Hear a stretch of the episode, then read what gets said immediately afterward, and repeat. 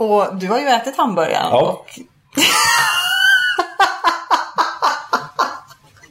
du är så jävla störd.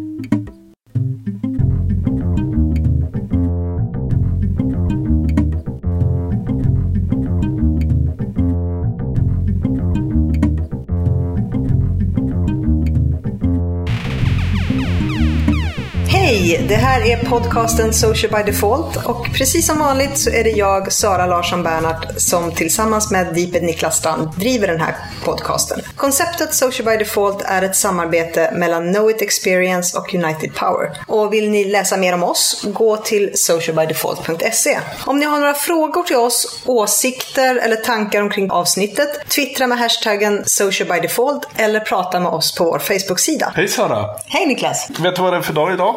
Eh, första juni.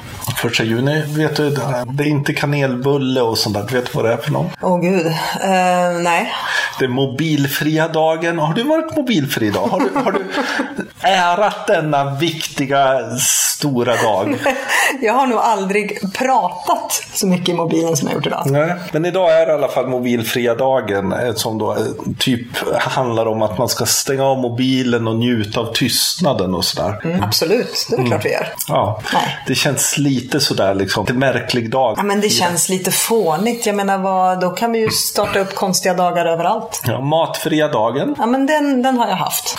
Eh, Toalettfri dag kanske? Ja, lite svårare. Ja. Dagen vi spar på syret. Kanske vi ska helt enkelt sluta andas. Ja, det är dumt.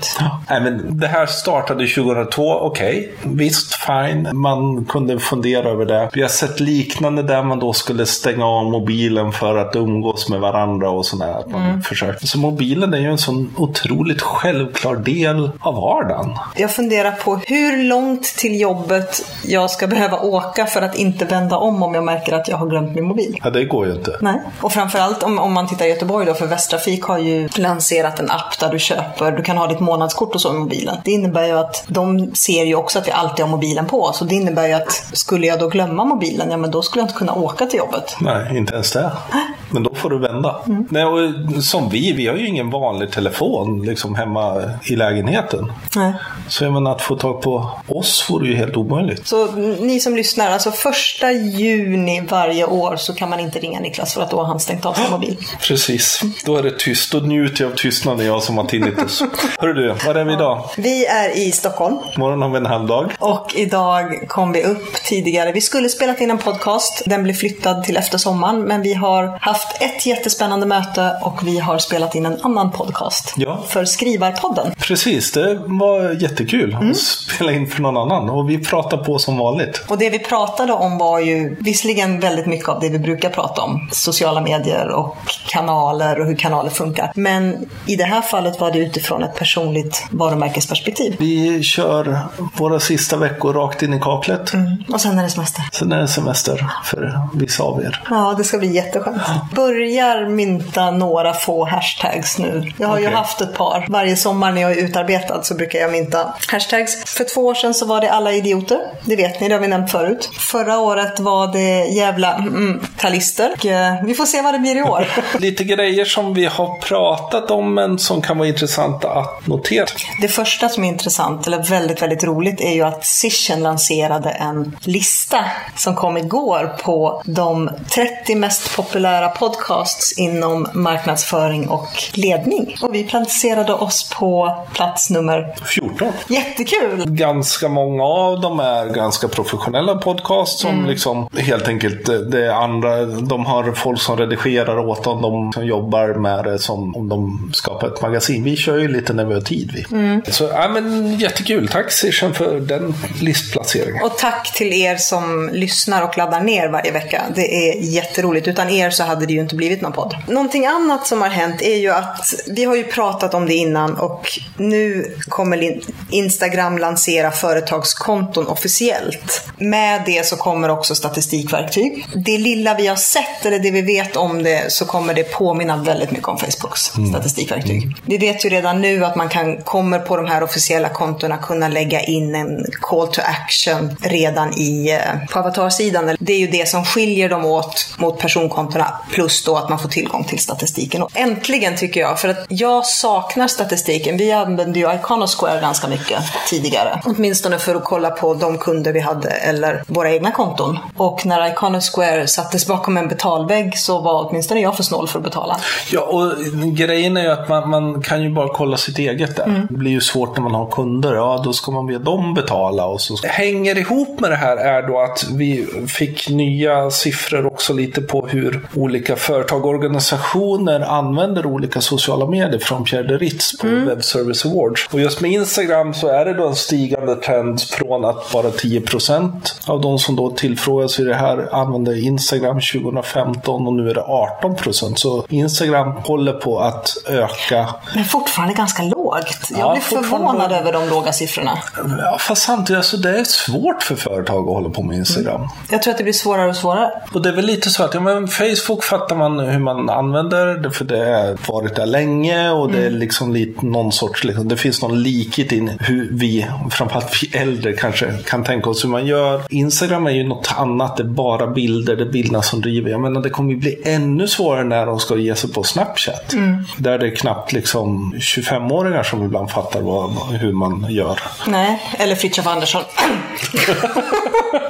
I alla fall, Web Service Award har då gjort en undersökning. Vi länkar till, självklart till den. Jättespännande, därför man ser att väldigt mycket, alltså det är fortfarande stigande trender utom, gissa? Twitter. Twitter. Och det har vi också pratat om innan, att Twitter är svårt för företag. Twitter har förändrats väldigt mycket och det har blivit både kallt och rått och hårt. Så det är ju journalister och media och publicister kanske som har möjlighet att skapa sig en stark närvaro på Twitter och kombination då de trafik, kollektivtrafik eller transportbolag som använder det som en reaktiv proaktiv kundtjänst. Facebook störst såklart. Mm. 87 procent av då de som har tillförts en webbservice award. Youtube kommer sen. Mm. 81 procent säger att de har en kanal. Sen kan man ju diskutera hur de använder den. Ja. Man ser väl ofta som det är lite si och så med... Ja, man ser att de har en kanal, de har en viss närvaro, de kanske laddade upp en film för två månader sedan men har 17 visningar. Och det här blir ju också svårt, för jag menar visst, företag har en kanal, men idag vet vi också att för att få visningar på Facebook så behöver du ladda upp filmen direkt. Och då är frågan, ja men då kanske man använder förhoppningsvis då YouTube som någon form av container. Men där pratade vi ju också tillsammans med ett annat företag om just det här med hur ska man tänka runt film och YouTube och Facebook med att du behöver ju skapa en film för ett socialt nätverk. Och då tänker du på ett sätt. Och sen behöver du namnge filmen med ingresser och sånt mm. på YouTube för att kunna dyka upp i sök. Mm. LinkedIn, 68 procent av de här då, företag och organisationer. Det är ju kommuner, det är företag det är, mm. som han har i sitt. Som, eh, det är också ganska mycket. Ja, där, och där är jag snarare förvånad över att siffran är så hög. För vi har ju sett att kommunerna har ju haft ett långsamt insteg eh, in på LinkedIn LinkedIn och de, med ett antal undantag självklart, använder det bara som en rekryteringsplattform och i vissa fall sitter fastlåsta i någon slags funktion som bara sprutar ur sig ansökningslänkar utan möjlighet till interaktion eller delning eller någonting sånt där. Mm. Och då är frågan, har man en närvaro eller inte? Och det är ju svårt att säga eftersom i det här fallet så har de ju också frågat om hur aktiv man är och så. Då 75 procent av de här kommuner och organisationer för företag säger att ja, men vi arbetar aktivt med det. är alltså fortfarande 25 procent lite då och då, lite med mm. vänstra handen. Så det finns ju uppenbarligen fortfarande mer att göra för mm. oss. Andra saker. Det var ju mors dag häromdagen. Och vi pratade ju om, för ett tag sedan om Facebook reactions. Mm. Och minns inte om vi nämnde att de på vissa marknader skulle testa att skapa en emoji eller reaction kopplat till vissa högtider. Mm. Och det såg vi ju i Sverige att de nu under mors dag, eller egentligen hela helgen, hade lagt in en blomma. Mm. Thankful, mm. som man då kunde... Ut, uh, uttrycka känslor på lite annat sätt än mm. bara like. Jag tycker det är rätt kul. Det är jätteroligt, men någonstans märker man också hur de influeras av Snapchat, som mm. har sina lenses som de då byter ut. Det var lite, typ lite follow-ups saker vi har pratat om förut. Nu är det lite nyheter. Det har ju skett en, nästan så att jorden rämnade och eh, sociala medier blev tysta under en liten sekund här igår kväll. Jocke Jardenberg bytte avatar för första gången på tio år. Helt, helt oväntat. Men äntligen. ja, precis. Snygg avatar Jocke. Vi gillar den. Du ser glad och trevlig och mysig ut på den. Sånt gillar vi. Och för er då som inte har sett Jockes nya avatar så kommer vi självklart lägga upp bilden i våra show Självklart. Idolbild. Andra saker som också har hänt är ju att Twitter inte längre kommer räkna in sina länkar i 140 tecken. Och det är ju fantastiskt bra. De har verkligen gått från att ha klistrat in långa länkar till bitly-länkar till nu att inga länkar räknas in i sina 140 tecken. Nej, och inte heller fotolänkarna sådär. Så plötsligt från att faktiskt har varit lite bökigt när man vill ha in ett foto och man vill ha in en länk och så plötsligt fanns det inga, inga saker kvar så är det nu, har man 140 tecken att skriva. Mm. Det, det, är det här de gör för att förlänga det här som alla trodde skulle bli 10 000 tecken i tweet, ja. tweets och så. Nej, men, de, och de, de känner väl också att de behöver göra någonting ja. eftersom de tappar. De är lite försiktiga dock mm. när de förändrar saker. Facebook håller på att testa något som kallas Topic Newsfeed. Det är ju helt enkelt att man ska kunna välja sin newsfeed utifrån, utifrån ämnen. Till exempel gillar man sport så ska det vara sportrelaterade saker och gillar man något annat sådär. Det är ju inte så mycket Facebook kan jag känna. De har ju testat det ut när de gjorde sin gamla Paper som var en sorts... Men den var snygg. Den var, jag gillade Paper. Ja, det känns konstigt. Mm. Samtidigt som, jag menar, kopplingen till Omni. Där mm. också. Jag menar, där kan du gå in och filtrera på liksom, hur mycket nyheter av olika segment vill du ha. Jag menar, det här mm. kanske blir också en naturlig del att någonstans få filtrera sitt eget flöde. Det här hänger ju självklart ihop med Instant Articles så att mm. de vill liksom driva media in i Facebook-sfären. Men ja, Facebook förändras väldigt mycket till att bli också lite någonting annat än vi är vana vid. Någonting som de har fått förändra, men det är inte de som bestämmer utan det är faktiskt påtryckningar utifrån. Det är ju att eh, EU-kommissionen, tillsammans med EU-kommissionen så har Facebook, Twitter, Google, Microsoft och YouTube liksom slutit ett avtal om att de ska börja ta tag i näthat och helt enkelt hatsajter och allt sånt här ska inte få förekomma. Utan det ska 24 timmar från att någonting läggs upp så säger de att de ska plocka bort det. En av anledningarna är ju att, eh, att det här avtalet har eh, kommit till är ju att man märker att sociala medier numera används mer och mer för att radikalisera unga människor genom att sprida då budskap om våld och hat. Det här har ju förekommit ganska länge att de har fått kritik för, framförallt Facebook, att de har låtit hatsidor och grupper och sånt ligga kvar, men plockar bort allting som har med nakenhet att göra. Och de har ju duckat för det under en lång tid genom att säga att ja, men det är inte vi som publicerar, utan den som publicerar innehållet eller skapargruppen då ska, ska stå ansvarig för det. Men med tanke på att eh, terrorattackerna i Paris har hänt, Bryssel har hänt, man ser att Isis hela tiden lyckas värva ungdomar från västvärlden så har det helt enkelt blivit så att de kommer att behöva göra någonting. Det som de också då ska göra det är då att de ska identifiera och lyfta upp saker som är då oberoende material som då ska balansera upp en del annat. För det här är då gentemot då cyber warfare och information warfare warfare-tankarna. Mm. Så det är en ganska omfattande sak som självklart behövs. Alltså, självklart men jag, jag kan ju få lite som gammal piratpartist och, och, och nätfrihets... Eh, få lite ont i magen. För det här handlar ju faktiskt om att nu de kommersiella företagen de som kommer bestämma vad som är okej okay att visa. Mm. Rakt av. Och även har då utifrån ett EU-överenskommelse rätt att egentligen faktiskt censurera. Ja, och det blir problematiskt med tanke på yttrandefrihet och liknande. Men i första läget så gissar jag att det är de stora sidorna, de stora grupperna där man verkligen kan se hur de arbetar för att hjärntvätta och trycka ner människor, religioner och liknande. Att de plockar bort det i första led. Sen är ju frågan liksom hur långt ner på individnivå kan de gå? För egentligen om man ska tolka det här rätt så är det så att om du skriver någonting så ska det plockas bort. Mm. Tittar man framförallt på Facebook så är det ju på, alltid på individnivå det egentligen ligger. Mm. Men det, det finns ju sidor i och för sig men det är ju fortfarande väldigt lite gentemot de, de vanliga uppdateringarna. Så jag tror att det kommer ju vara mycket algoritmer, det kommer vara många sådana saker och jag tror ju att vi kommer ju inte märka det som vanliga användare. Jag menar, du och jag kommer inte märka det förrän det blir en false positive. Helt enkelt, man skriver någonting som plötsligt algoritmen tycker inte är okej. Okay. då plockas det bort automatiskt. Ja, och antagligen blir man då, man inte tillgång till Facebook. Mm. För det är ju det som, har, har man blivit liksom anmäld och eh, borttagen, då får man ju liksom, kommer man ju inte åt Facebook ett tag. Så det, det är ju en ganska stor stor, stor sak som har dykt upp. Mm. Sen får man ju också se om det nu kommer finnas andra filtreringsmöjligheter när man väl anmäler en sida. Liksom, handlar det om rasism, handlar det om hatiskt innehåll, handlar det om nakenhet och sådana här saker? Att man kanske kan granulera det på mm. fler nivåer. Mm. Även alltså något behöver ju göras. Det, det, är ju så. Vi kommer ju prata om det här en del i november på vår dag på internetdagarna. Mm. Men samtidigt, ja, det är fortfarande liksom att man, det finns alltid en fara att man kastar ut barnet med bad, badvattnet och även hivar ut hela jävla badbaljan med det när man gör sådana här saker. Så äh, det ska bli intressant att följa och jag, jag kan bli lite oroad över nätneutralitetsprinciperna som urholkas väldigt fort just nu.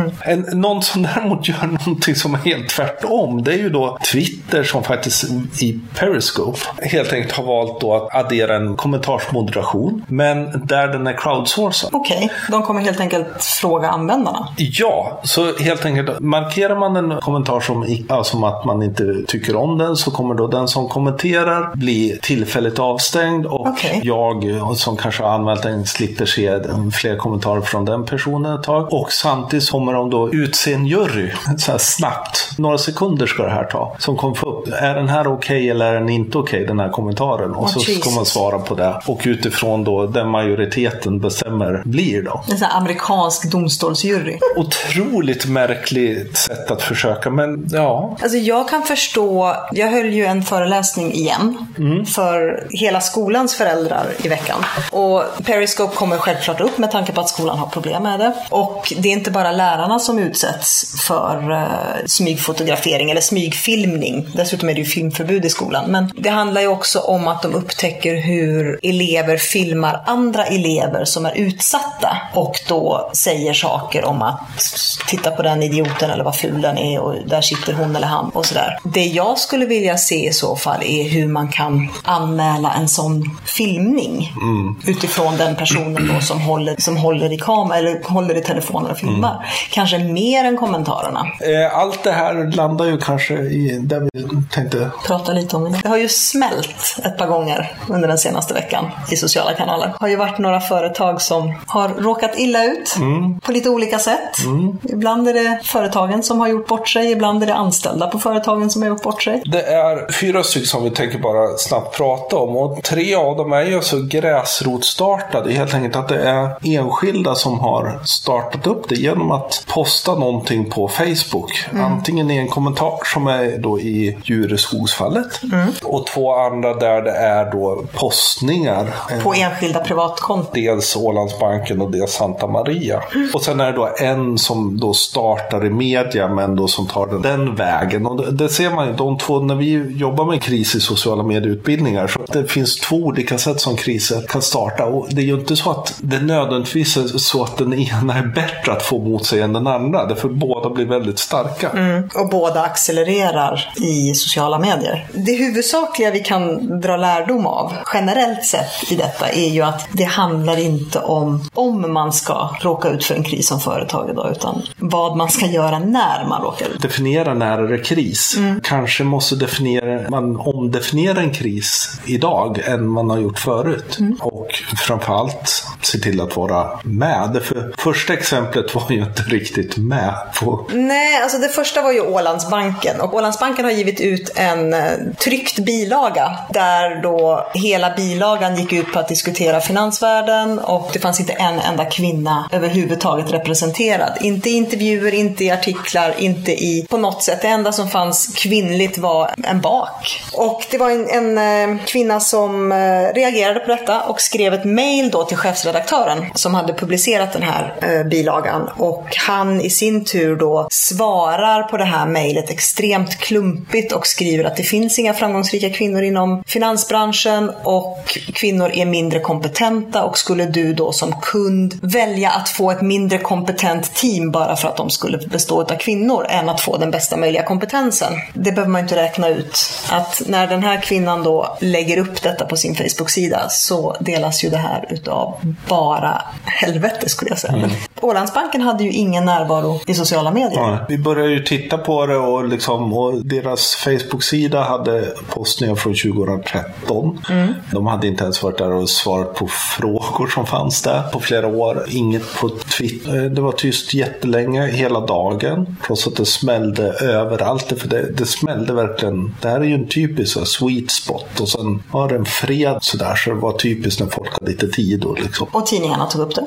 Och det visade sig ju att det var flera i, inne i Ålandsbanken i styrelsen som blev väldigt ledsna av det och hade själva uttalat sig då. Och sen sent på kvällen kom det då ett uttalande på, då, då hade de hittat lösenordet till Facebook-sidan uppenbarligen. Och vi skrev ju ett blogginlägg om det mm. och det kommer vi också lägga i våra show notes. Men det är ganska fascinerande när man ser ett varumärke liksom falla ganska fort och man tänker bara varför gör de ingenting? Nej. Och helt bortkopplade från sociala medier. För någonstans, så med tanke på att det här fick sån fart och det delades så mycket och det diskuterades så mycket och tidningarna plockade upp det, så måste de ju någon haft panik där, för de måste ju sett det. Mm. Men inte riktigt vetat hur de skulle ta tag i situationen. Det som kanske var lite extra här då, var ju att hon som la ut det här, den mm. här eh, mejlet då, hon jobbar ju alltså på Ålandsbanken Sverige. Helt klart så visar det här helt enkelt att ja, man, man måste faktiskt ha närvaro. Mm. Oavsett om man som en bank har en svårt, svårt med regleringar och sådana saker man tycker kanske man kan inte säga något. Ja, man måste finnas där. För det är där det händer. Den andra är då Djureskog och eh,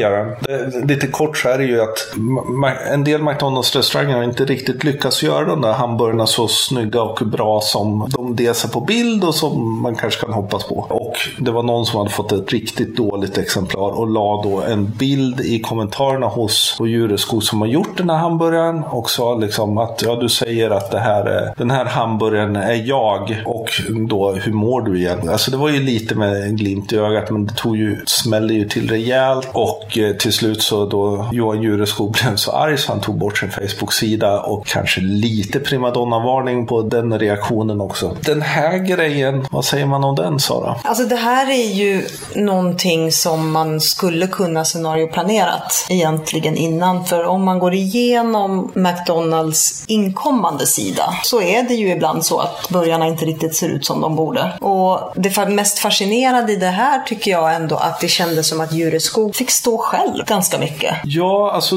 nu ska vi vara transparenta. Vi har jobbat med McDonalds lite, god vän med flera på McDonalds. Mm. Så. Men, men jag tror det man lär sig av det här är ju att gör man samarbete med till exempel sån här kock eller med någon bloggare så, så bör man ju som företag också ställa sig lite bakom. Och det, för det här är ju en kris och det är klart det blir en kris för varumärket. Men det är ju två varumärken som råkar illa Ja, här var det ju faktiskt Jureskog som råkade illa ut. Mm. Eller kanske inte riktigt visste hur han skulle hantera situationen snarare. Nej. Men vi har ju sett det tidigare när man har haft företagssamarbeten tillsammans med bloggare eller andra kända personer där den personen då har misskött sig eller gjort någonting och så har samarbetet avbrutits väldigt fort för att företaget i sig kanske inte har gjort sin läxa. Inte alls blanda in McDonalds och Jureskog i det här. Nej. Där man då ser att man behöver göra en bra research, man behöver konsekvensanalysera för att mm. veta att det här är någonting som kommer funka. Och i det här fallet så handlar det om på det andra sättet att här är det ju faktiskt inte Jureskog som har gjort något Nej. fel och helt enkelt där behöver man ju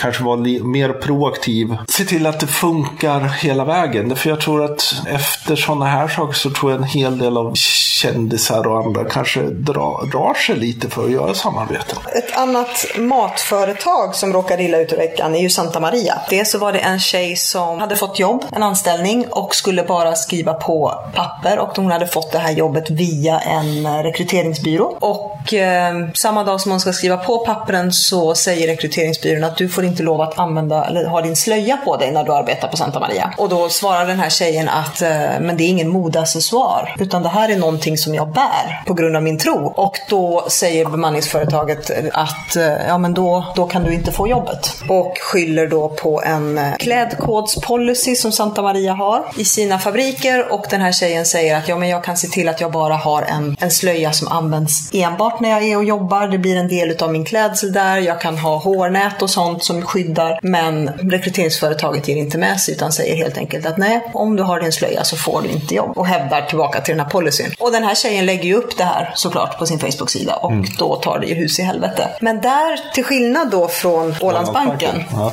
så var ju Santa Maria snabba på att plocka upp det här och svara. Skrev otroligt bra svar på Facebook. Och det hela visade sig att det var ett missförstånd emellan Santa Maria och rekryteringsbolaget, att det inte alls fanns en sån policy. Deras svar på Facebook till alla de som kritiserade var genomtänkta, transparenta, ärliga. Man såg att de hade plockat fram väldigt snabbt ett antal budskap mm. och den som satt och skrev svaren var duktig på att inte copy-pasta dem allt för mycket. Alltså, så hon försökte hela tiden säga, okej, okay, vad, frågar, vad frågar personen faktiskt? Mm. Och sen då göra utifrån då sina budskap, liksom faktiskt skriva bra, snygga svar. Äh, roligt att se liksom, snabb närvaro och bra svar. Det enda som jag tycker att de missade mm. var att eftersom det nu visade sig att det var ett missförstånd och de fick otroligt mycket inkommande kritik på sin Facebook-sida. Så samtidigt som de svarade alla de här personerna som gick in och ställde frågor och kritiserade så borde de ha gjort ett proaktivt inlägg som de la högst upp på sin Facebook-sida. Där de skrev hela sin version av mm. händelseförloppet. Mm. Just för att Visst, de hade fortfarande fått inkommande, men vissa hade läst det här. Och sen så i sina svar så hade de ju då lite senare när man upptäckte att det blev liksom repetition på frågor, helt kunnat hänvisa till, precis som vi har skrivit i det här inlägget, klistrat in URLen. Sen då den sista som pågår, en stor kris, det är ju Svenska kyrkan och eh, olika resor och lyxhotell och fram och tillbaka. Det här är ju en av de värsta kriserna kanske ändå man kan råka ut för. Det för någonstans är det väldigt många, det är ganska mycket komplexa saker mm. där man vet inte riktigt vad som har hänt. Framförallt blir det ju så känsligt med Svenska kyrkan mm. och fulresor eller vad man ska säga. För det, det rörde väl sig om deras utlandsrepresentant? Ja, det, det rör sig. Det, det, är flera saker och det kommer flera saker. Alltså det här är en pågående granskning som kom, nog kommer vara riktigt, riktigt jobbig för, för Svenska kyrkan generellt. Men, men det, som, det som vi har sett, är dels en grej runt biskopen på Gotland, men det visar sig vara ett, alltså fel i lönesystemet. Mm. Sådär. Men, men där Aftonbladet gjorde den granskningen och gjorde en ganska ful grej. Men som, de, som helt enkelt blev då sanningen, som de får hantera trots att det egentligen inte var något fel. Men sen är det då eh, chefen för eh, Svenska kyrkan utlandet mm. som, som då har uppenbarligen rest väldigt, väldigt mycket. Och bott på lyxiga hotell. Och fick ganska mycket intern kritik och, och sådär. Otroligt komplicerad situation i det här fallet. Och... Jag tycker riktigt synd om de som sitter och krishanterar ja. på deras sida. Framförallt med tanke på att i och med att det här är en pågående kris så finns det ju inte heller fakta man kan luta sig mot. Nej. Utan här blir ju hela tiden det här att det här är ingenting kyrkan ska ligga bakom. Självklart kommer vi utreda det här. Mm. Alltså det... Om man ska recensera en pågående så, och då i full transparens, vi känner dem och sådär. Att hon jobbar väldigt bra. Eh, mm. De är redaktionen plus en präst som sitter där och jobbar och tar fram hela tiden, är väldigt noggrann när det kommer, ja men går alltid kollekten till den? Nej, all kollekt som är uttalat vart det ska gå till går till det det ska göra. Det är allt är öronmärkt och sådana saker. De hade lite otur att webben, den nya webben gick ner eh, precis när så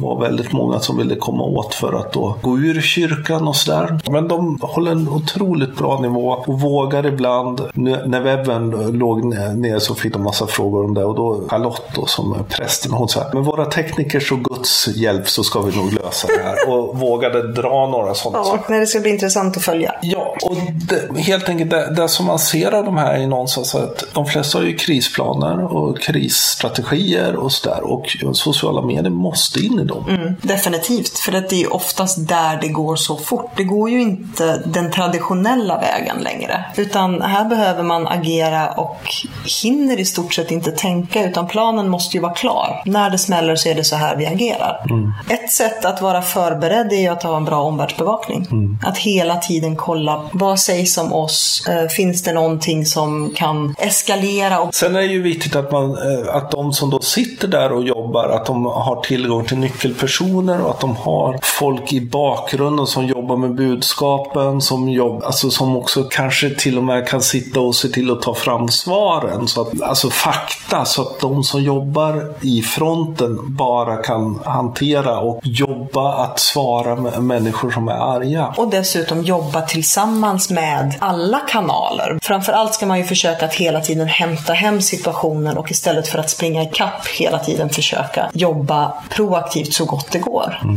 Och sen självklart identifiera vilka som då är troll och eh, hantera dem utifrån det. Och det, det är självklart att också tänka på att ja, men det är andra som läser det här så att skriva svaren för dem. Det är en viktig del. Ganska spännande med kris.